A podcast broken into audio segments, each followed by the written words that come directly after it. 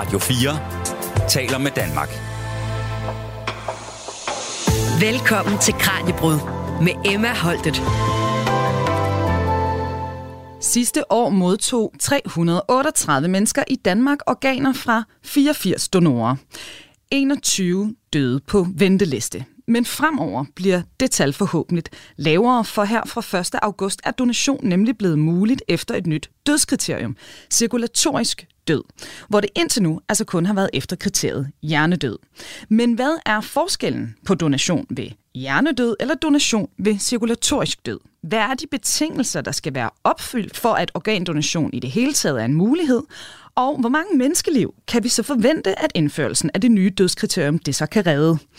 Vi skal også forsøge at afmystificere selve donationsprocessen ved at dykke ned i, hvad der sker før, under og efter en donation. Fra donors eller de efterladte samtykke til, hvordan organet giver modtageren en ny chance i livet. Velkommen til dagens Kranjebrød.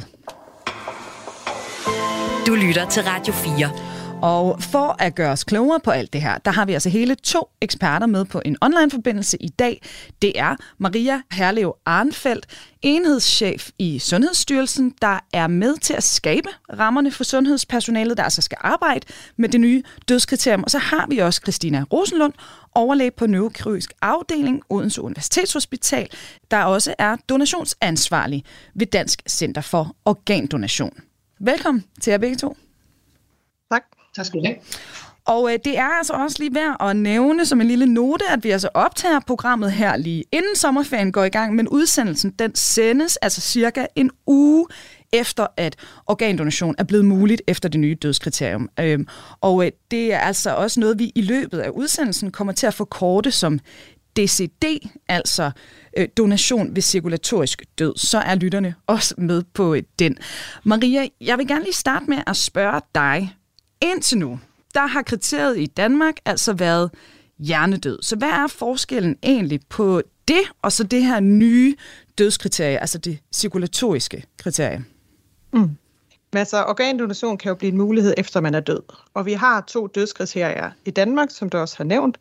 Uh, altså det vil sige to måder, hvorpå man kan konstatere døden. Uh, og efter hjernedødskriteriet blev indført i 1990, så har det været det dødskriterium, man har brugt ved organdonation.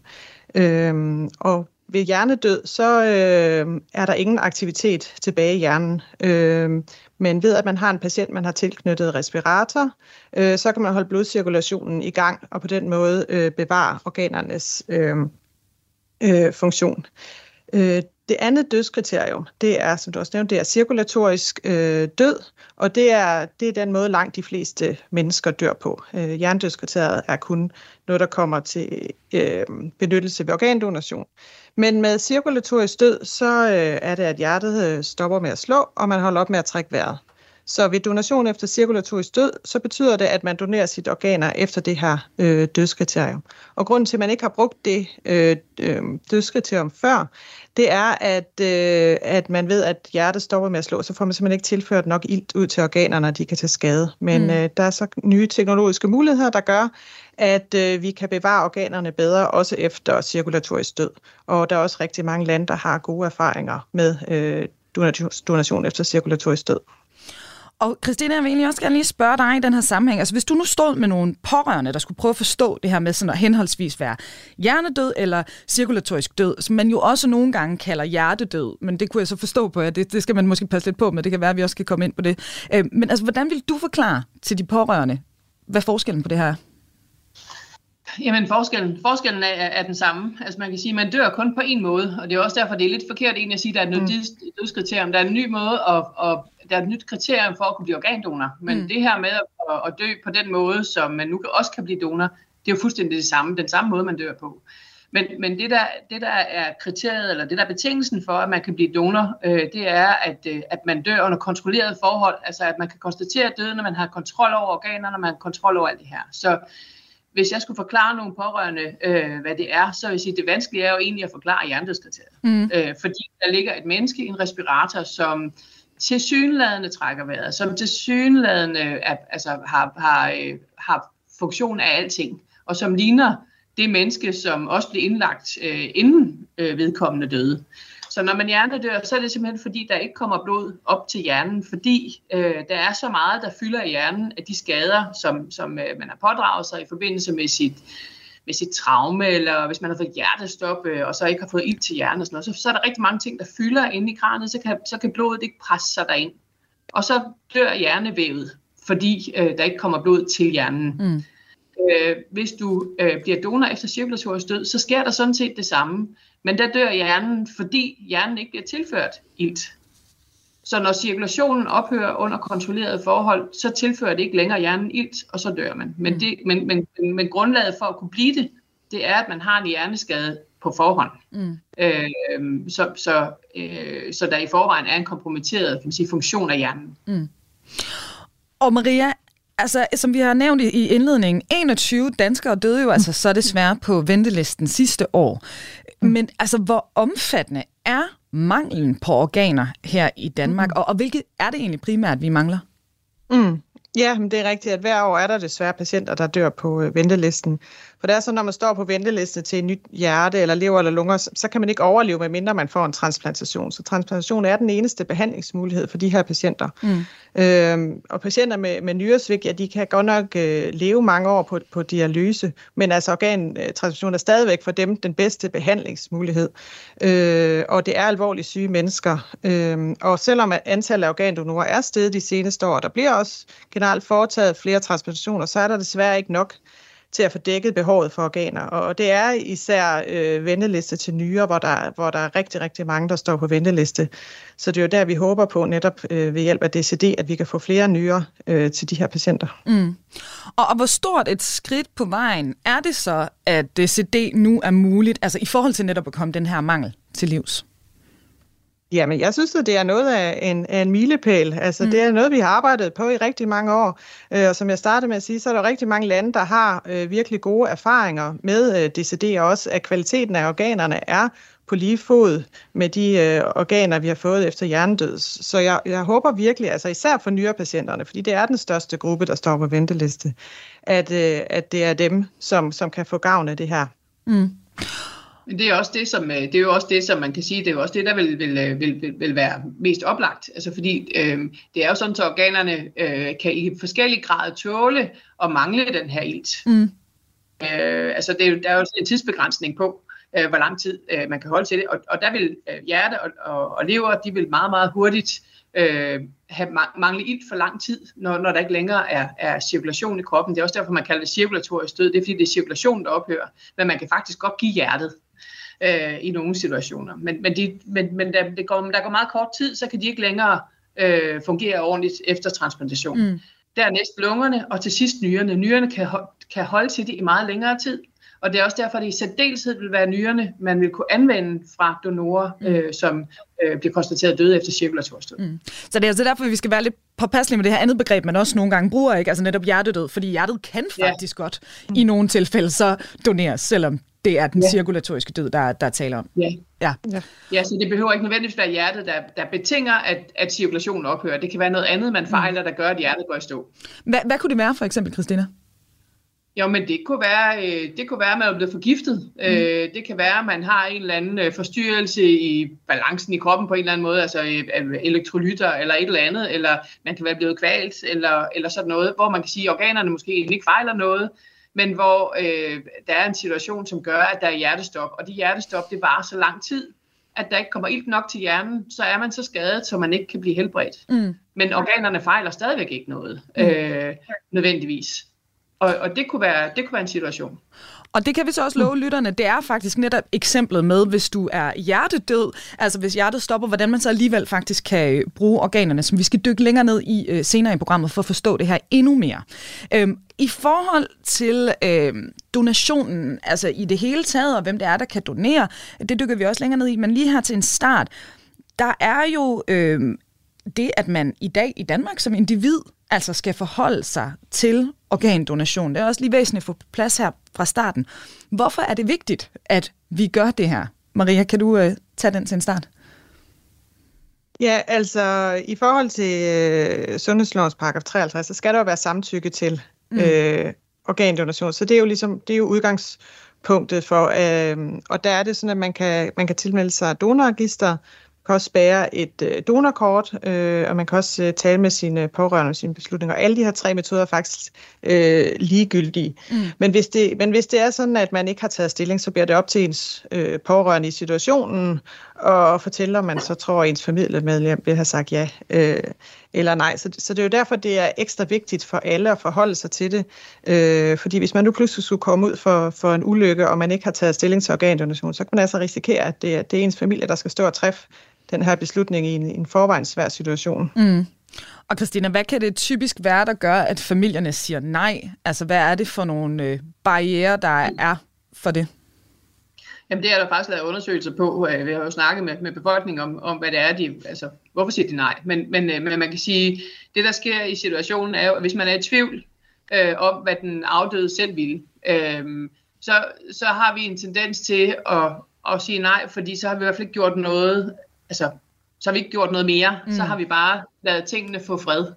Øh, så hvis vi er i tvivl, så siger vi, så siger vi hellere nej end ja. Øh, øh, også selvom vores egen opbevisning måske er sådan, at, at, det, at det vil jeg måske godt selv. Men, men det her med, at og man har meget stor respekt for, for, for, for de afdøde øh, og for kroppen. Mm. Så hvis kroppen ikke selv har valgt noget, så, så, så, kan, det være, så kan det være svært mm. at træffe det valg.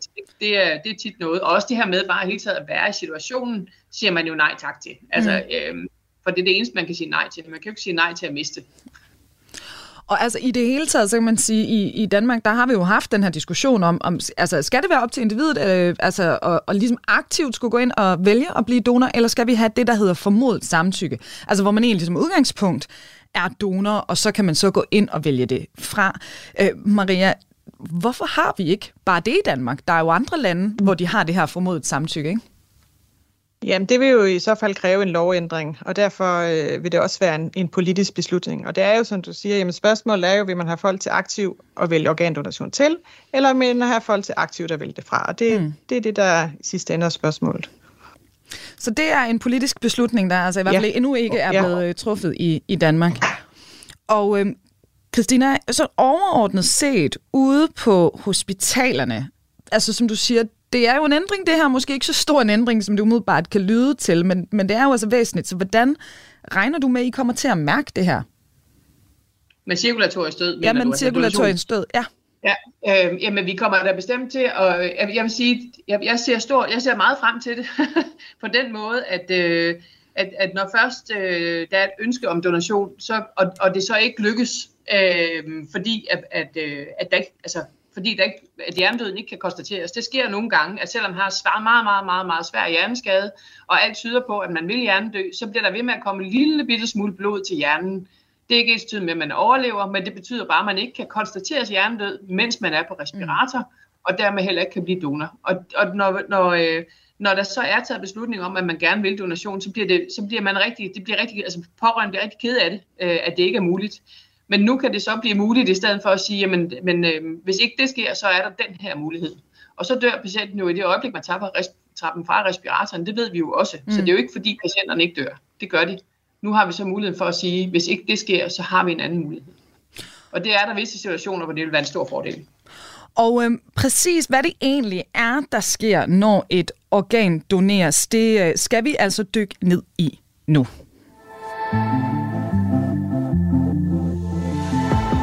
Du lytter til Kranjebrud på Radio 4. Og til dig, der er øh, kommet til her undervejs. Fra 1. august er organdonation blevet muligt efter et nyt dødskriterium cirkulatorisk død, hvor det indtil nu har været efter kriteriet hjernedød. I den anledning dykker vi ned i den her nye mulighed, og altså også i selve donationsprocessen generelt, for hvad sker der egentlig før under og efter en donation. Vi har til at forklare os det hele to eksperter med online her i dag. Det er Christina Rosenlund, overlæge på neurokirurgisk afdeling øh, ved Odense Universitetshospital, og Maria Herlev Arnfeldt, enhedschef i Sundhedsstyrelsen. Og Christina, nu skal vi altså se på, hvad der så rent faktisk sker i den her proces, der jo godt kan virke sådan ret mystisk udefra på mange øh, måder. Ikke? Lad os starte med, hvem er det i det hele taget, der kan skrive sig op til at blive mulige organdonorer i dag? Jamen, det kan vi alle sammen.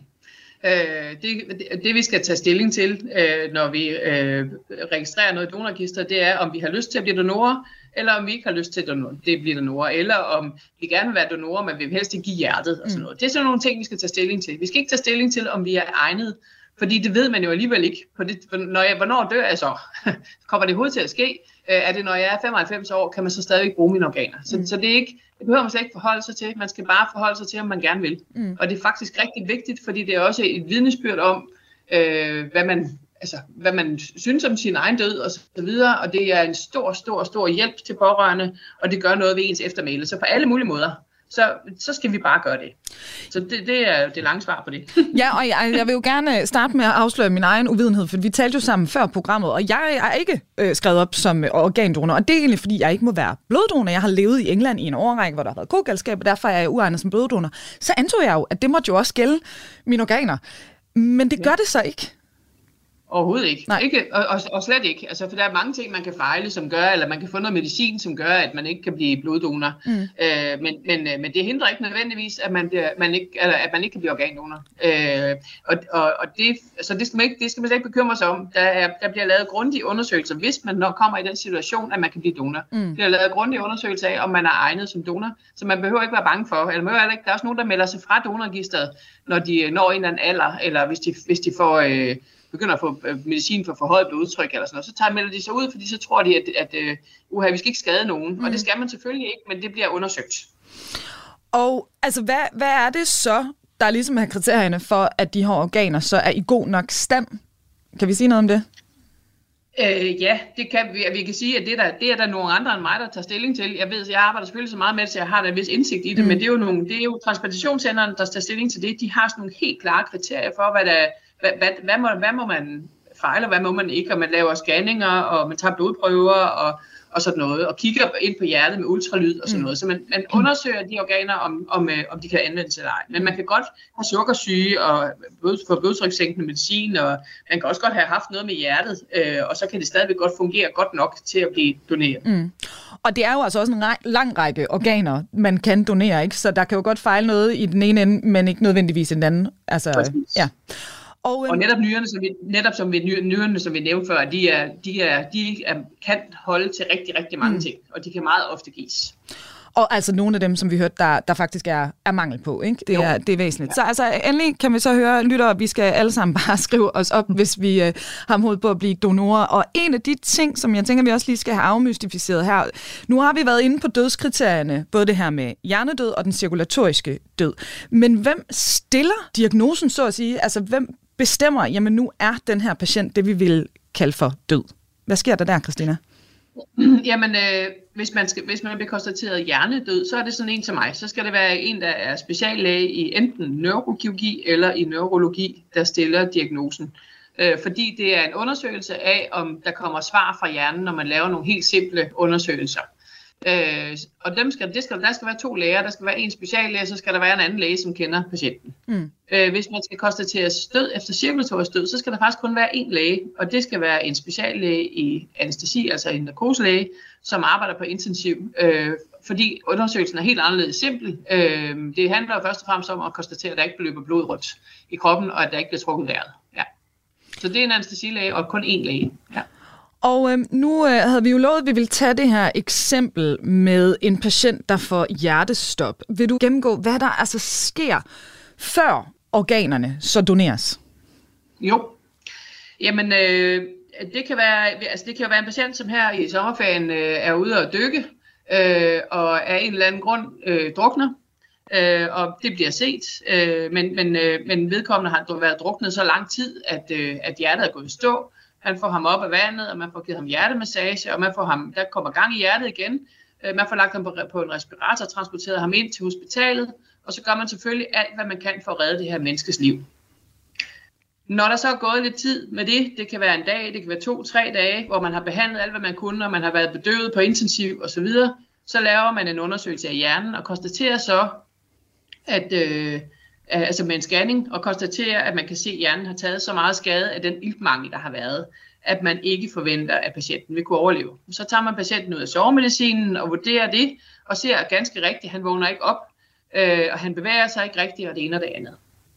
så tænker man, hvis, altså nu når vi til, den her, til det her sted i forløbet, hvor vi ikke længere kan behandle patienten med henblik på overlevelse. Så vi skal have øh, patientens forløb afsluttet på en pæn og ordentlig måde, og sådan som han gerne vil have det, og sådan som familien gerne vil have det.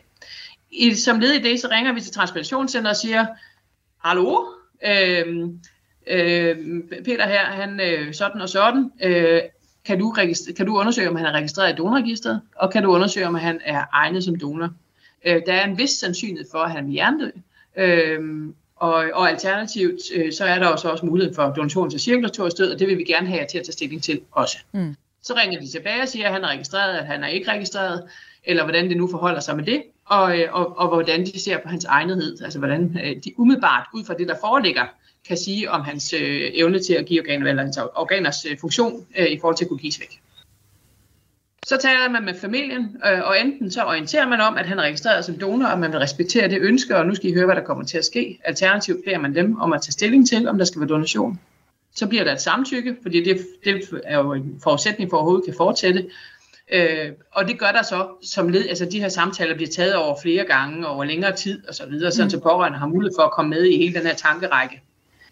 Men når vi når til, at der er samtykke, så venter man på, at, øh, at hjernen dør. Og, øh, og den, det gør man ved, at man lader patienten blive på respiratoren. Så holder man, som, øh, som øh, Maria også sagde til at starte med, så holder man gang i, i, i kroppen på den måde, at, at organerne får det, de har brug for.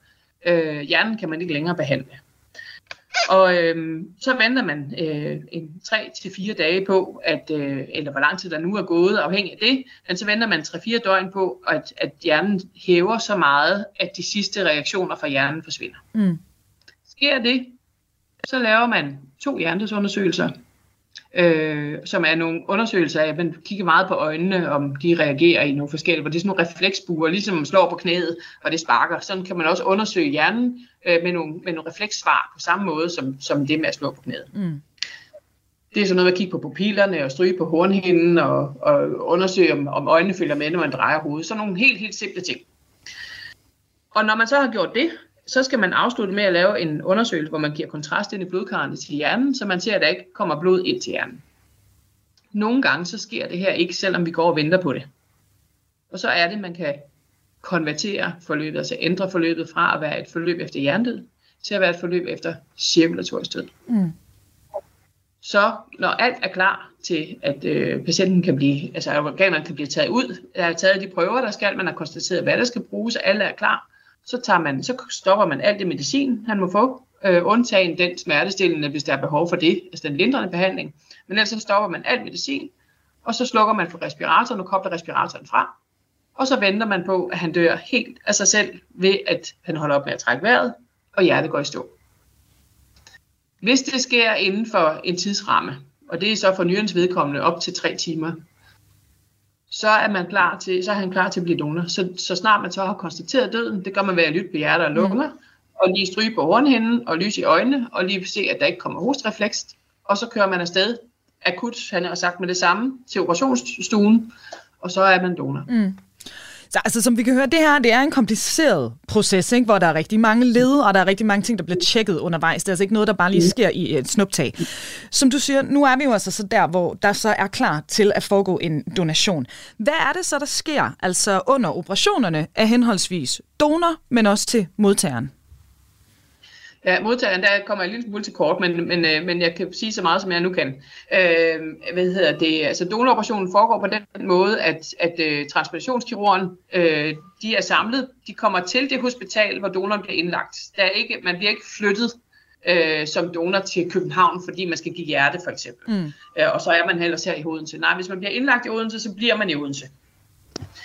Øh, så kommer de kirurger, afhængig af hvilke organer skal de kommer til øh, hospitalet, og så starter de øh, operationen, og det vil sige, at de åbner, øh, de åbner huden så korsformet, øh, og, øh, og, og lægger organerne fri, sådan, så man kan få, sådan, så man kan se dem alle sammen, og så, så øh, frilægger de blodkarne, og når så alle er klar, så øh, øh, kommer der sådan noget kold væske ind i blodkarrene, så afbryder de kredsløbet, så kommer der kold væske ind i blodkarrene og så tager de ellers de organer ud øh, i den rækkefølge, de, de, øh, de, de øh, kan, kan holde til det. Og hjertet, som sagt, er det, der kan holde til kortest tid øh, uden ilt. Øh, og det er også det, der kan holde sig kortest tid uden for kroppen. Så hjertet, det tager de ud hurtigst, hvis, hvis hjertet skal bruges. Øh, og fra det er taget ud, og til det er sat ind i den, i den, en, en modtager, der skal der gå maks 4 timer. Mm. Så det, det går stærkt. Og så kommer, øh, så vidt jeg ved, øh, så er det lunger, og så er det lever, og så er det nyre, eller også er det lever, og så øh, lunger. Det er jo ikke mig, der gør det, men, men i hvert fald så tager de organerne ud, og så, og så øh, er det nyrefolkene, som nyrekirurgen, der lukker øh, kroppen igen, og man kan ikke se, at der mangler organer. Mm. Man kan se, at der er et kors der, der kan se, at der er et, et, sår, og det bliver pænt dækket af, helt som efter en anden øh, operation. Øh, men det er ikke sådan, at man kan se, at der mangler organer. Øh, det er ikke sådan, at man bliver indfaldet og kigge på. Mm. Øh, og når det er, så kører patienten tilbage til, afhængig af hvor man er henne, så kører patienten tilbage til intensivafdelingen eller over til sådan en, en stue, hvor man har, hvor man lægger afdøde, helt som, som i alle andre situationer. Mm. Og i forhold til modtagerne, igen, jeg ved godt, det ikke er det, du sådan sidder med til daglig, men kan vi sige noget om, hvad der sker bagefter? Altså, hvor høj er succesretten så i forhold til, at organerne rent faktisk fungerer inde i modtagerens krop? Den er meget, meget, meget, meget høj. Altså, det er jo noget af det, som, og det er jo faktisk noget af det, vi er rigtig gode til i Danmark, det er for det første at være gode til at bevare organernes funktion i donorerne. Så vi har en meget høj anvendelse. Mm. Øh, det lyder meget øh, maskinelt, men, det her, men, men man kan sige, ønsker man at være donor, så ønsker man jo også, at det går bedst muligt. Øh, og, og man kan sige, det jo, der bliver givet gennemsnit 3,5 organ per donor, og det er på trods af, at der er rigtig, rigtig, rigtig mange ældre donorer i, øh, i, i, øh, i, i, blandt organdonorerne. Mm. Men, men, øh, men det går godt. Det er meget, meget sjældent, at vi har... Øh, altså at, at organet ikke kommer til at fungere. Nogle gange så kommer det, så, så skal det sådan lige løbes lidt i gang, og der kan godt være lidt, lidt indlæggelsestid og sådan noget, men som udgangspunkt så går det altså utrolig godt. Og de får jo et fuldstændig nyt liv, de mennesker, som får nye organer. Og hermed, der skal vi nu videre, fordi nu skal vi se nærmere på de etiske barriere, der altså også er på spil, når vi taler organdonation, og også hvordan de her nye rammer for DCD-organdonationen, de skal udrulles. Du lytter til Radio 4. Med online her i dag, der har vi besøg af Maria Herlev Arnfeldt, enhedschef i Sundhedsstyrelsen, og Christina Rosenlund, overlæge på neurokirurgisk afdeling ved Odense Universitetshospital. Og øh, det har vi, fordi her fra den 1. august, der er organdonation blevet muligt efter et nyt dødskriterium, nemlig cirkulatorisk død, hvor det altså indtil nu har været efter kriteriet hjernedød. Og det er derfor, vi i dag stiller skarpt på, hvad det her så betyder for organdonation her i Danmark. Og øh, Maria, altså donation ved cirkulatorisk død eller DCD, det er altså øh, på den her måde nyt i, i Danmark. Hvad er det for nogle etiske barriere, der skulle krydses for, at den her type donation den er blevet mulig? Eller har det altså udelukkende været et spørgsmål om, at der har været teknisk formåen, der ligesom skulle på plads, for at vi gjorde brug af det her? Altså organdonation har jo altid medført øh, etiske diskussioner, mm. øh, som især omhandler konstateringen af død. Øhm, og det helt grundlæggende er jo, at organdonation er jo ikke en mulighed før man er død, og det er det, der bliver kaldt dead donor rule. Øhm, så, så det er jo, det kan man sige, det er det, det grundlæggende, at øh, donor skal være død. Øhm, og over for det her øh, princip om dead donor rule, øh, så står jo ønsket om, at man gerne vil, øh, øh, vil reducere den tid, som organerne er uden øh, ilt. Mm. Øhm, så der skal således en afvejning til, at man skal sikre sig, at donor er død, men også som Christina lige har skitseret, så kan man jo heller ikke vente flere timer med at, at udtage øh, organerne, øh, fordi så bliver de jo skadet. Så, så derfor kan man jo sige, at man bevæger sig tæt på grænsen mellem liv og død, når man taler om organdonation øh, i det hele taget, mm. og også når man taler om donation efter cirkulatorisk øh, død. Øhm, så derfor øh, så bruger man det her, man har et, et tidsrum, øh, hvor man kan sige, jamen når det her tidspunkt er gået, jamen, så kan man sige, at så er dødstilstanden uoprettelig, så, så kan man ikke komme til live igen.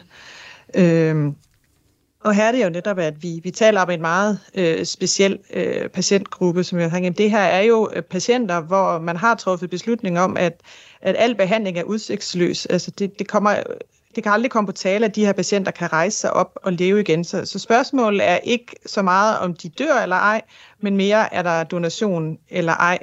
Øh, men det er klart, at vi har, vi har jo haft de her øh, etiske diskussioner i den arbejdsgruppe, vi har haft til at kigge på rammerne for mm. DCD. For, for det er jo vigtigt, at man får snakket øh, om de her etiske diskussioner, netop for at lave nogle gode rammer, som, som sikrer, øh, at der er en tryghed om organdonationsforløbet. Øh, Ja, men altså, i forhold til det her med, med DCD, er det simpelthen fordi, der bare har været tekniske udfordringer, altså netop det her med de større organer ved den her type øh, død, øhm, eller har det været en etisk diskussion, der har gjort, at man jo har haft det i udlandet, men altså ikke i, i Danmark mm. indtil nu i hvert fald?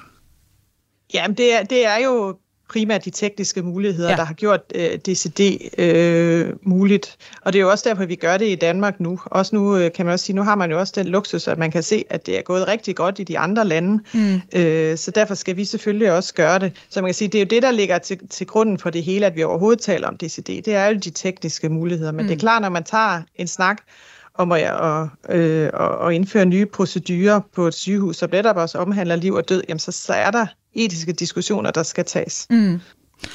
Og hvad er det egentlig, I gør i Sundhedsstyrelsen i forhold til en ny mulighed som det her? Hvordan griber I det an, at I så skal skabe nye rammer lige pludselig for, for sundhedspersonalet, der jo skal stå med, med det her ude på hospitalerne?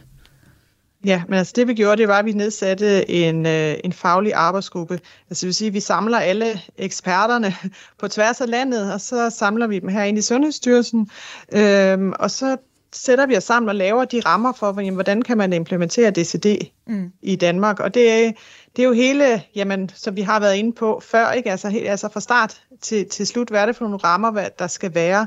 Og det handler jo, jamen dels skal der jo være faglig enighed. Altså der er jo rigtig mange faggrupper, der er inde over et øh, donationsforløb. De, alle de faggrupper skal selvfølgelig være enige om rammerne. Og så handler det jo også om, at vi skal jo have ensartet høj kvalitet øh, på tværs af landet. Så det er det, der ligger i, at, at vi som Sundhedsstyrelse laver de nationale rammer, og så skal det jo så ud på de enkelte sygehuse og blive implementeret, hvor man så kan gå skridtet længere ned og lave nogle konkrete instrukser og vejledninger ude på sygehusene. Mm. Og hvad man nu er jo med her og forklare om øh, det her, så lytterne kan blive klogere, men hvad med sådan noget med oplysning til befolkningen? Er det også Sundhedsstyrelsen, der står for den del af det? Ja, det er også en, et, et led i det. Øh, at, at selvfølgelig netop, altså det, det, vi, jo, vi har jo informeret øh, samtykke til organdonation. Det er utrolig vigtigt, at man så borger ved, hvad det er, man giver samtykke til. Øh, så man skal jo vide, hvad det er, øh, når man siger ja til organdonation. Øh, mm. Hvad er det, der sker? Så, så det er jo for eksempel den her udsendelse jo en del af, ikke? Altså, vi oplyser om, jamen, hvad er organdonation, hvad tager man, tager man stilling til? Så vi laver en informationsindsats, øh, som omhandler organdonation mm. generelt, mm. men også øh, netop med henblik på, ligesom, hvad er det, der er nyt i donation efter, efter cirkulatorisk øh, død. Mm. Og i forhold til tidslinjen på, på det her, for nu snakker vi jo 1. august, men altså, det er jo ikke mm. noget, der bare sådan lige sker fra den ene dag til den anden, at det her det bliver udrullet øh, fuldt i hele landet. Så hvad er den umiddelbare tidslinje? Altså, hvor længe vil der gå, før vi ser de første DCD-donationer her i Danmark, mm. Maria? Mm. Jamen altså, vi forventer, at vi vil se de første DCD-forløb her til efteråret. Øh, man kan sige, det, det vigtigste er jo selvfølgelig, at man bliver klar til det ude på hospitalerne. Det er, det, det er jo en stor øh, indsats ude på hospitalerne for uddannet øh, personalet og få lavet de her instrukser og vejledninger på, hvordan griber man hele forløbet an. Så det vigtigste er selvfølgelig, at rammerne ude på de enkelte sygehus er i orden. Øh, men så er det jo også, jamen, hvornår har vi den første øh, potentielle donor? Det er der selvfølgelig ingen af os, der ved. Øh, så derfor kan man ikke sige et sætte et konkret dato på, hvornår vi ser den første donor. Først skal rammerne være der, og så bagefter så er vi så klar til at tage imod en, en eventuel donor. Og Christina, hvad med jer ude på hospitalerne? Altså for, forventer I, at det bliver nogle meget anderledes forløb, det her med DCD-donationer, eller vil det stort set være svarende til det, vi kender og I kender? Øhm, altså meget af det vil være det samme, øh, fordi hele forberedelsen til donationsforløbet vil, altså er identisk. Øh, det, men men, men der, er nogle, der er nogle ting, som man sådan skal regne med i. Det, der bliver anderledes, øh, det bliver lige der omkring konstateringen af død, fordi der er jo generelt ro på, og det skal man jo også, det er jo også meget, meget vigtigt, at befolkningen gør. Så det er klart, der er jo masser, masser af tid til at tage afsked. Der bliver taget utrolig godt hånd om de pårørende generelt, og det gør der også i donationsforløb. Mm. Øh, og, og øh, man kan træffe en masse aftaler og sådan noget. Så, så, så øh, Øh, det, der bliver anderledes, det er, at man på et tidspunkt, hvor man kan sige, nu, øh, nu er patienten konstateret død, og der er fuldstændig ro på stuen, der er ingen apparater, der biber, og så lige præcis der, hvor alting er fuldstændig afsluttet og færdigt, det er der, man skal skynde sig. Fordi det er der, man skal over på operationsgangen, for at organerne ikke tager skade. Og det er, den, det er hele den øvelse, også det Maria snakker om, vi skal uddannes til det. Jamen, der er faktisk ikke nogen af de her elementer i forløbet, vi ikke kan finde ud af, og vi ikke gør i forvejen. Det er måden, det bliver stykket sammen på, fordi tiden er knap for, at organerne ikke tager skade, så er tiden knap lige omkring det tidspunkt, hvor, hvor donoroperationen skal foregå. Mm. Og det er det, der er den nye øvelse, og det er det, der bliver nyt for os. Det, det er det, vi går og, og, og, og, gør, og gør os klar til. Det er at, at kunne køre den her proces, så det bliver ordentligt, samtidig med, at vi også øh, når det i tide. Og hermed, der skal vi nu kigge fremad netop og se, hvordan vi altså så kan udvikle organdonationsområdet og altså gribe det her nye potentiale. Du lytter til Radio 4. Og til nye lyttere, vi nærmer os så småt slutningen her på dagens Kranjebrud, dit daglige videnskabsprogram, hvor vi altså zoomer ind på organdonation. Og det gør vi, fordi der den 1. august blev indført et nyt dødskriterium, og hermed DCD, eller donation ved cirkulatorisk Død er altså nu noget, der er muligt her i Danmark. Og vores eksperter i dag, der begge er med på en online-forbindelse, det er Christina Rosenlund, overlæge på neurokirurgisk afdeling ved Odense Universitetshospital, og Maria Herlev Arnfeldt, enhedschef i Sundhedsstyrelsen. Og øh, Maria, nu er vi jo inde på det her, altså med hvordan vi griber det her nye øh, potentiale. Øh, hvordan vil I indsamle erfaringer og øh, data osv. i forbindelse med de første DCD-organdonationer her i landet? Jamen der vil Sundhedsstyrelsen sammen med regionerne og så Dansk Center for Organdonation, vi vil jo følge området og, og indsamle data og erfaringer. Øh, for det er jo utrolig vigtigt. Nu, nu starter vi også med donation efter cirkulatorisk død på de fire store universitetshospitaler. Men på sigt håber vi jo også, at, øh, at vi kan få det implementeret på de øvrige hospitaler. Men først skal, der, skal vi simpelthen vi skal gøre vores egne erfaringer med det først. Så jeg regner med, at efter cirka to år, så, så laver vi en status øh, på, jamen, hvordan er det gået. Og så kan det jo også være, der skal, skal ændres i, i nogle af, de, af de rammer, vi er, vi er blevet inde i om nu. Så, mm. så det er vel noget, vi vil følge. Og hvad er du mest spændt på i forhold til det her, og hvad det kan gøre for de danskere, der jo altså står på ventelisterne rundt omkring? Jamen, jeg er selvfølgelig mest spændt på, hvor mange ekstra donorer vi får. Altså, hvor stort bliver potentialet. Øh, det er jo det, vi håber rigtig meget. Mm. Øh, det er jo derfor, vi, vi gør det, fordi vi ved, der står nogle patienter på venteliste. Så øh, jeg håber virkelig, det er noget, der at vi gør en forskel for dem, der står og venter på et nyt organ. Og har I et bud? Jeg synes, jeg har set et tal. Øh, nu skal jeg ikke hænge dig op på det, men jeg har set et tal, der hedder en tredjedel potentielt, altså en tredjedel flere øh, organer. Mm. Er det noget, du tør sådan komme med et bud på, hvad størrelsesorden vi er ude i? Ja, så vi har jo givet et, øh, et bud øh, i vores øh, rapport, hvor vi siger 35 ekstra donorer om året. Og, og det er selvfølgelig et estimat. Mm. Og det har øh, vi lavet ud fra, jamen, hvad er det eksisterende donorpotentiale øh, på nuværende tidspunkt, men også kigge til udlandet, hvad er det for nogle erfaringer, man, man har gjort sig der. Øh, men, men det er klart, vi er, jo, vi er jo godt klar over, at det her kan godt tage noget tid at implementere. Øh, al begyndelse er svær. Så jeg tror også, at der vil gå nogle år, inden man, man, man ser det fulde potentiale. Mm. Og Christina, hvad med dig i forhold til øh, DCD og det potentiale, altså i forhold til nye organer, der, der følger med? Hvad er du mest spændt på at se i de kommende år i jeres ende? Nå, men jeg er mest spændt på at se, hvor øh, øh, jeg, jeg håber jo på, at det her det smitter positivt af på donationsområdet generelt, fordi det vil give lidt ro, at man øh, netop det her, altså de her grænsepatienter, vil sige hjernedør eller hjernedørt, de ikke, der behøver vi ikke længere at være helt så, øh, så skarpe på det, altså, øh, hvor man kan sige, nej, vi tror ikke, den her patient hjernedør, så, så vi skal ikke starte et donationsforløb, øh, eller et potentielt donationsforløb. Der har vi måske have, nogle, have en kategori, som, som man sige, når der er ro på, er, her er det egentlig bare et spørgsmål om, når patienten dør, er der så et ønske om organdonation. Det er egentlig bare det, vi skal forholde os til. Så jeg, jeg håber på, at det giver lidt ro. Også den her enorme struktur, der er på øh, donationsforløb efter cirkulatorisk død, øh, tror jeg også har en positiv indvirkning på hele arbejdsmiljøet og sådan noget. Så sådan helt øh, lavpraktisk for os øh, på hospitalet, tror jeg, det bliver positivt. Øh, og så, øh, og så bliver der jo flere, der får mulighed for at give deres organer væk. Øh, der er jo folk, der registrerer sig i donorregister, men der er jo altså ikke ret mange af dem, der får, der, der får mulighed for at blive donorer, mm. når de dør. Øh, så, så det tænker jeg, det, det bliver da positivt. Og altså, hvad med på altså, organdonationsområdet i det hele taget? Hvad synes du, der skal til i fremtiden, hvis vi skal sørge for altså, at have flest mulige organer til dem, som står og mangler dem? Jamen, øh, vi skal sørge for at snakke med hinanden om det. Øh, altså i forhold til, til registreringer i donorregisteret, jeg siger, det, det er, der, altså min erfaring er, at hvis, hvis, der, hvis der er en registrering i donorregisteret, så er det meget, meget øh, giver det et meget, meget bedre forløb for de pårørende. Mm. Øh, fordi så kan den døende være lidt med i hele forløbet. Man kan få taget afsked på en anden måde, man får startet sin soveproces på en anden måde. Så jeg tror, at det, der er rigtig vigtigt, det er, at vi får sat meget fokus på, for nu talt sammen om det her, for nu taget stilling til det. Øh, det tror jeg, det er, det er rigtig vigtigt. Og så, så, og så skal vi jo skabe noget opmærksomhed. Altså, øh, det er jo det, Sundhedsstyrelsen øh, er godt i gang med. Og det er det, Center for Organdonation også gør. Det er jo netop at skabe opmærksomhed og, og sørge for, at der er fokus på det, og at vi er gode til det. Mm. At vi er dygtige til det. Og altså, ja. i, i dine øjne, hvor meget vil det betyde, hvis vi for eksempel i Danmark, altså fra politisk side besluttede, nu har vi formodet samtykke? Det tror jeg desværre vil have en, altså sådan som, altså det, det er min, øh, min helt egen øh, tolkning ud fra min erfaring, det er, at jeg, jeg tror, at det vil gøre, at, øh, at mange af os får ikke registreret os, fordi vi tror, at når nu der er formodet samtykke, så er jeg jo donor, så behøver vi ikke rigtig at tage stilling til det, vi behøver ikke rigtig at snakke om det, og så står vi i den situation, der er mange flere, vi skal spørge.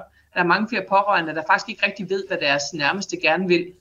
Øh, det her med, at man går ind og tager aktiv stilling, det er, det er respektfuldt over for den enkelte borger, at man selv skal tage stilling øh, og selv får lov til at beslutte, hvad skal der ske med mig. Mm.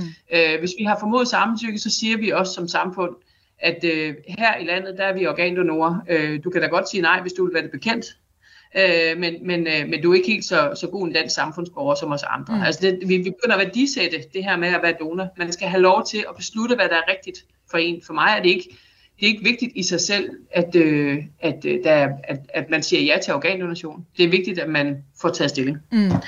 Og det, og det tror jeg, den, den, øh, den ramme er vigtigt. Øh, og også for, at der bliver flest mulige organdonorer. Det er den her fornemmelse af, at det er en gave, man giver, og at det er et, et valg, man har truffet. Det gør, at det bliver rigtigt, og det bliver stort, og man får et flot eftermæle, hvis man vælger at blive donor hvis det er det, der er vigtigt for en. Ja, altså jeg skal gerne indrømme, at øh, altså, da jeg snakkede med dig og fandt ud af, at jeg faktisk godt kunne blive organdonor, så gav det mig sådan en sug i maven, for så tænker jeg, åh nej, så skal jeg ind og forholde mig til det. Og jeg har det bare så svært, og det tænker jeg, det må der jo også være en del andre i befolkningen, der har. Altså sådan noget med, øh, altså det gælder jo også i ens testamente og andre ting, men at forholde sig til ens død, det er en deprimerende ting, ikke? Øh, så altså, jeg kan i hvert fald mærke, at jeg er da en af de danskere, der virkelig skal tage mig sammen for at, at leve op ja. til det her ansvar med at gå ind og, og aktivt ligesom tage det her valg, ikke? Øh, men, øh, men det er jo sådan en barriere, man ligesom skal bryde som individ og sige, det bliver jeg nødt til at forholde mig til. Ja, og det gør bare noget godt for ens familie, når man, når man får talt om det her. Når man lige får brudt det der tabu, ikke? fordi det er jo også, og det er der også mange tvivlere, der siger det, eller mange af dem, som ikke rigtig har fået taget stilling, når man møder dem ude i gågaden, når man, vi har jo den nationale organdonationsdag, som jo er en af de indsatser, der er for at, at, at hjælpe befolkningen, kan man sige. Øh, det er, jamen, jeg, jeg tør ikke rigtig registrere mig, fordi så tror jeg ikke, et, at, at, man, at man behandler mig nær så godt på hospitalet. Det kan være det ene argument. Øh, og det kan jeg selvfølgelig dementere, men man bliver altid behandlet først, mm. inden man kan undersøge det andet. Øh, og, så, og så det her med, så jinxer jeg det lidt. Hvis jeg skriver det, i, hvis jeg registrerer mig i donorregisteret, så kan det være, at jeg dør i morgen. Mm. Altså, så det kan godt være det her. Og så det her med, ah, men jeg behøver ikke lige snakke om min død i dag. Det kan være, at jeg skal snakke om den i morgen, så vi udsætter det lidt. Øh, og, det, og det er jo ærgerligt, ja. øh, fordi det er jo egentlig, når først det er gjort, så, så ved alle, hvad der skal ske, mm. og så er der ro på. Ja. ja. Og øh, Marie, hvad med dig? Altså, hvis vi kigger på hele organdonationsområdet her i, i Danmark, hvad mener du, der skal til altså i fremtiden, hvis vi skal have flere til at donere? Jeg tænker jo, at DCD er et vigtigt skridt. Mm. Altså, det er jo det, vi har arbejdet for i flere år, netop fordi jamen, det er her, det største potentiale er. Det er også det, vi kigger øh, til udlandet og kan se det store potentiale i DCD. Øh, og netop jamen, altså, få udnyttet det fulde potentiale, som der er i DCD, få det udbredt øh, øh, på tværs af landet, og der kan man jo også på sigt måske kigge på, øh, hvilken patientgruppe er det, der er potentielle donorer. Øh, nu skal vi lige først have sådan nogle øh, gode erfaringer med det her nu, mm. men, men, øh, men der tror jeg helt sikkert, der er et, et øh, potentiale. Øh, men altså organdonation er et komplekst øh, område, der er også rigtig mange... Øh, ting, der sådan skal falde i hak, før, før, det, kan, før det kan lykkes. Så, så, så der er ikke nogen sådan uh, quick fix uh, på det. Altså, men altså, vi, vi samarbejder jo på tværs af landet og, og prøver på at lære af hinanden og så sætte fokus på det. Uh, men så også netop, som, som Christina siger, jamen det man kan gøre som borger, det er jo at, at snakke med sin familie om organdonation og tage stilling. Så har man i hvert fald uh, gjort sit til, at hvis man skulle stå i den situation, jamen så kan organdonation øh, blive en mulighed. Mm. Og Christina, du er markeret lige. Ja, men, øh, og det var for lige at, at følge op på det, Maria siger. Altså netop det her med, jamen nu, nu bliver det implementeret på, på de fire universiteter, eller de fire store hospitaler med, med neurointensiv afdeling første omgang, der hvor man har stor erfaring med organdonation. Men man har jo faktisk også erfaring med organdonation på de øvrige hospitaler med intensiv afdeling, og der har de jo øh, også organdonation, de har også mange af de her patienter, så jeg mm. tror også, det er jo det, man kan se, når man kigger til udlandet, så kan man se, at det er jo i særdeleshed ude på de mindre hospitaler, at man øger donorraten ja. øh, ved implementering af donation til cirkulatorisk død. Så, så vi håber da alle sammen på, at, at når vi har lært noget af, af, af vores implementering her, at vi så også kan gøre det på de, på de mindre hospitaler i landet. Mm. Og få flere donorer af den vej.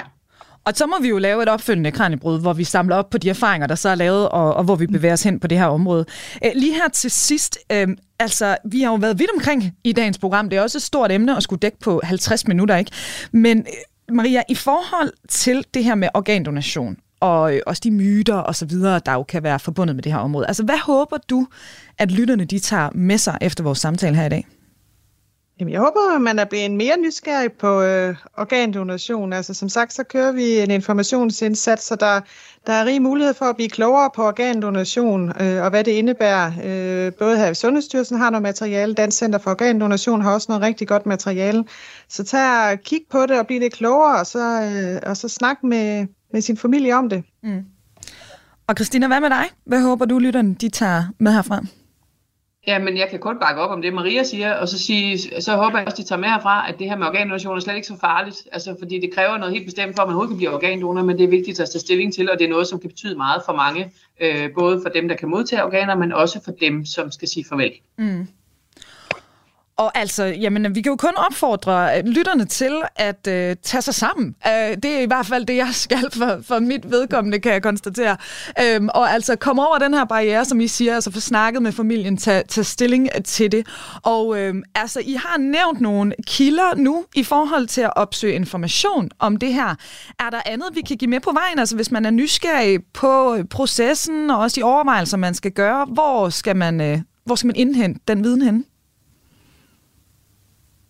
Ja, altså vi har jo materiale på Sundhedsstyrelsens hjemmeside, og så netop er vi jo så heldige, at øh, vi har et rigtig godt videnscenter på området her, Dansk Center for Organdonation, og de, øh, dem kan man også ringe til, øh, og de vil altid gerne svare på spørgsmål, øh, ved jeg. Øh, men ellers så synes jeg jo også, det er lige så meget det her at være nysgerrig på det, og mm. snakke med, snakke med hinanden, hvad, altså fordi det er svære spørgsmål, det her med at forholde sig til døden. Øh, så, så jeg tror ligesom det her, bare at snakke om det, have en åben snak, det er vigtigt. Der er en hjemmeside, øh, der hedder organdonor.dk. Det er Dansk Center for øh, Organdonations øh, borgerrettede side. Der kan man hente en masse information om det her. Der vil man også kunne finde ud af, hvordan kan, øh, man hvordan kan jeg blive klogere på det.